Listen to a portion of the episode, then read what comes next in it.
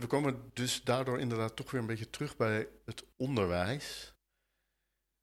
Namelijk wat, wat het, ideale, misschien niet eens het ideale onderwijs Nederlands, maar het ideale geschiedenisonderwijs. Hoe zou dat eruit zien? Dat vind ik echt wel moeilijk ook hoor. En dan is ook meteen vraag 1, uh, bedoel je het basisonderwijs of het voortgezet onderwijs? En... Laten we het makkelijk houden in het voortgezet onderwijs zeggen. Ja, ja, dat zal niemand in het voortgezet onderwijs je nazeggen, maar... Uh, uh, nee, volgens mij, iedereen weet dat voortgezet onderwijs is makkelijker dan primair onderwijs. Ja, ja. Maar zullen we Nederlands en geschiedenis eens even vergelijken? Laten we ze vergelijken. Nederlands is een verplicht vak. In alle jaren, alle schooltypen, alle kinderen. Van de eerste klas tot de vierde, de vijfde, de zesde, afhankelijk ja. van welke ja. school zit. Ja. Altijd verplicht. Geschiedenis is dat niet. Dat is het overigens wel in Duitsland. Om redenen geheel mm -hmm. in de geest zoals mm -hmm. ik ze net heb aangegeven. Mm -hmm. Ze willen voorkomen dat er ook maar één Duitser opgroeit die niet weet ja. hè, waar ze schuld aan hebben. Dat is, ja, is op een bepaalde manier ook heel bewonderenswaardig. Hoe dat land omgaat met dat verleden. Zeker. Hè? Dat is ja. nog, nog even van een iets andere orde, durf ik te beweren. In ieder geval is het recenter. Maar goed, Nederland, geschiedenis is in Nederland geen verplicht vak. En je hoort wel eens historici zeggen die het ook goed bedoelen: ja, geschiedenis zou verplicht moeten zijn enzovoort. Toch is het een feit. Ik heb nog gestudeerd in de tijd dat Nederlands en geschiedenis even groot waren.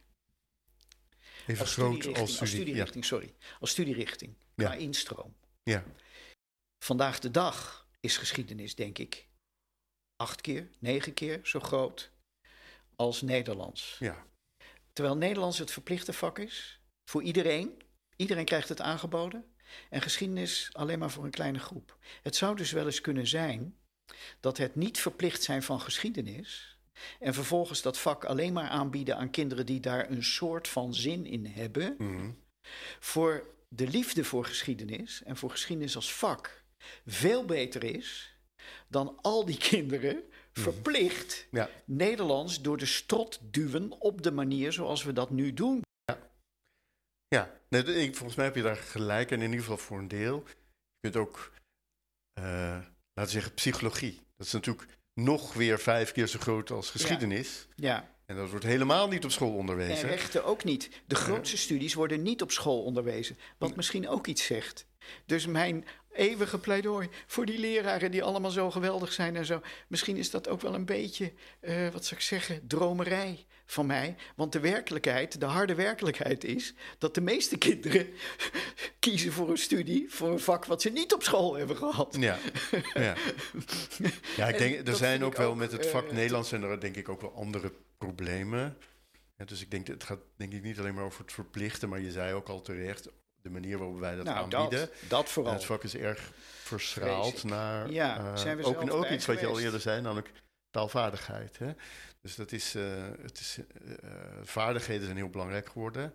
En dan ook nog eens een keer vaardigheden op een ook weer een heel specifieke en betrekkelijk schrale manier geïnterpreteerd. Met ook nog als treurige conclusie dat die vaardigheden niet eens beter zijn geworden. Nee.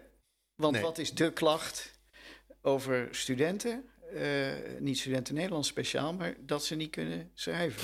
Nou, weet je, nou weten we natuurlijk niet hoe het zou zijn geweest als we dezezelfde le- Nog leerlingen... Dan, oh ja, dan, ja, dat, Nou, oké. dat, dat Nou, die niet, escape gun ik je dan. Ik geloof er niks van. dat valt niet maar- experimenteel Nee. vast te stellen. Maar, nee. Eh, dus, dat, dus dat zou je dan moeten eh, doen. ja, Maar toch, ja. dan nu, eh, laten we dan wel Nederlands erbij nemen. Wat zou, wat zou een ideale invulling Ja. zijn van dat vak? Oké, we, we maken het niet verplicht. Nee. nee, dat wil ik niet beweren. Nee, maar, la- la- maar laten we even zeggen... Want voor, en ik vind die taalvaardigheid natuurlijk ook heel erg belangrijk. Nee, maar we nemen nu dus...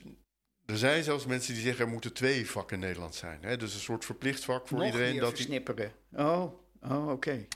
Ik probeer je Ja, nee, sorry. op een presenteerbaar Nee, blaadje aan te bieden Nee, vertel, jouw vertel. droom. Ja, nou, twee vakken Nederlands. Voor de verplichting. Nee, wat is, jouw, Ja, wat ja. is jouw droomvak Nederlands? Ja, nou, daar wil ik mee oppassen hoor. Want dit zijn grote discussies.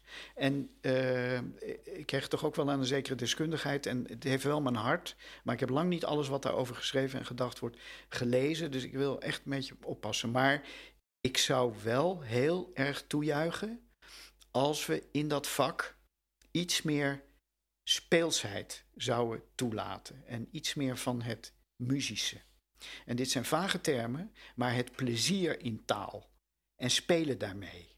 En uh, inderdaad, zo'n dingetje als afsluitdijk is eigenlijk helemaal geen dijk. Ja, daar vul je geen curriculum mee, dat weet ik ook wel. Maar etymologie, om, maar eens, om maar eens iets te noemen. Waar komen die woorden vandaan en zo? Het pure plezier, kennis is lust. Hè?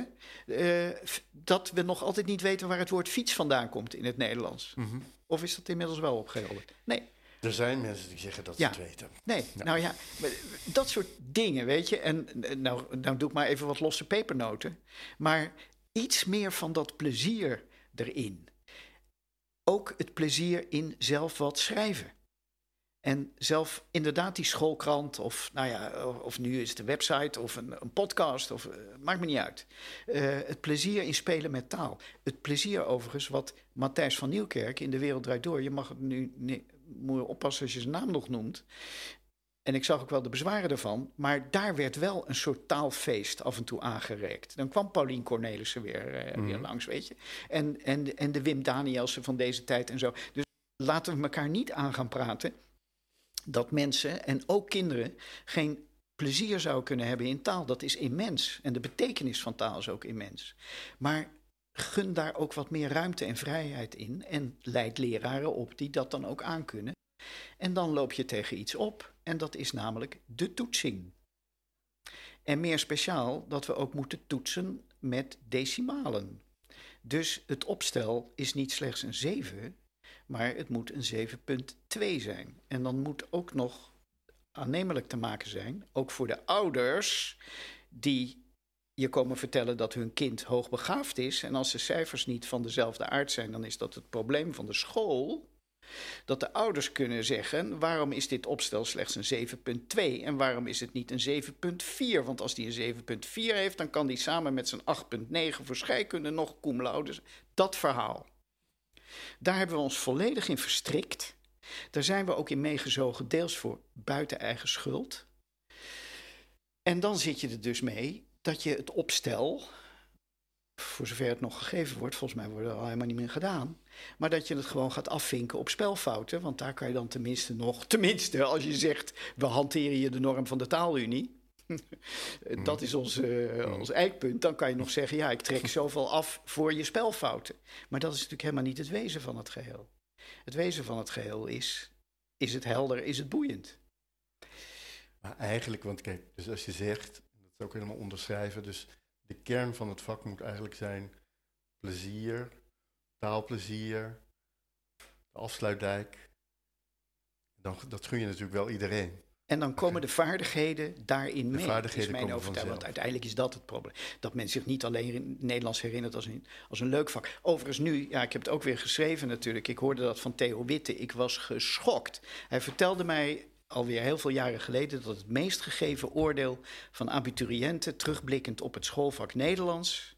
was in één woord saai. Ja. Ik weet nog de eerste keer dat hij het me vertelde... zo waar als ik hier zit maak... de tranen sprongen me in de ogen. Hoe kan dat? Ja. Dat, dat het behandelen van de moedertaal op school, en dan helemaal los van nationalisme. Ik heb helemaal geen mm, nationalist. Mm, mm. Eh, maar de taal waarin je lief hebt, waarin je droomt, waarin je verdriet hebt, nou ja, alles, alles, alles, dat dat saai is, dan doe je toch echt iets verkeerd. En met z'n allen, hè?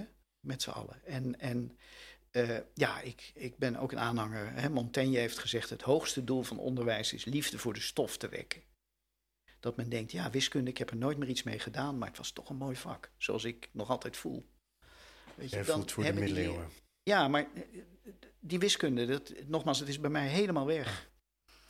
Ik kijk naar die differentiale eh, en integrale, ik denk, ja, ooit kon ik dit. Ik, ik zou niet meer weten wat ik ermee moet. Maar ik heb nog altijd dat sentiment, het was toch een mooi vak.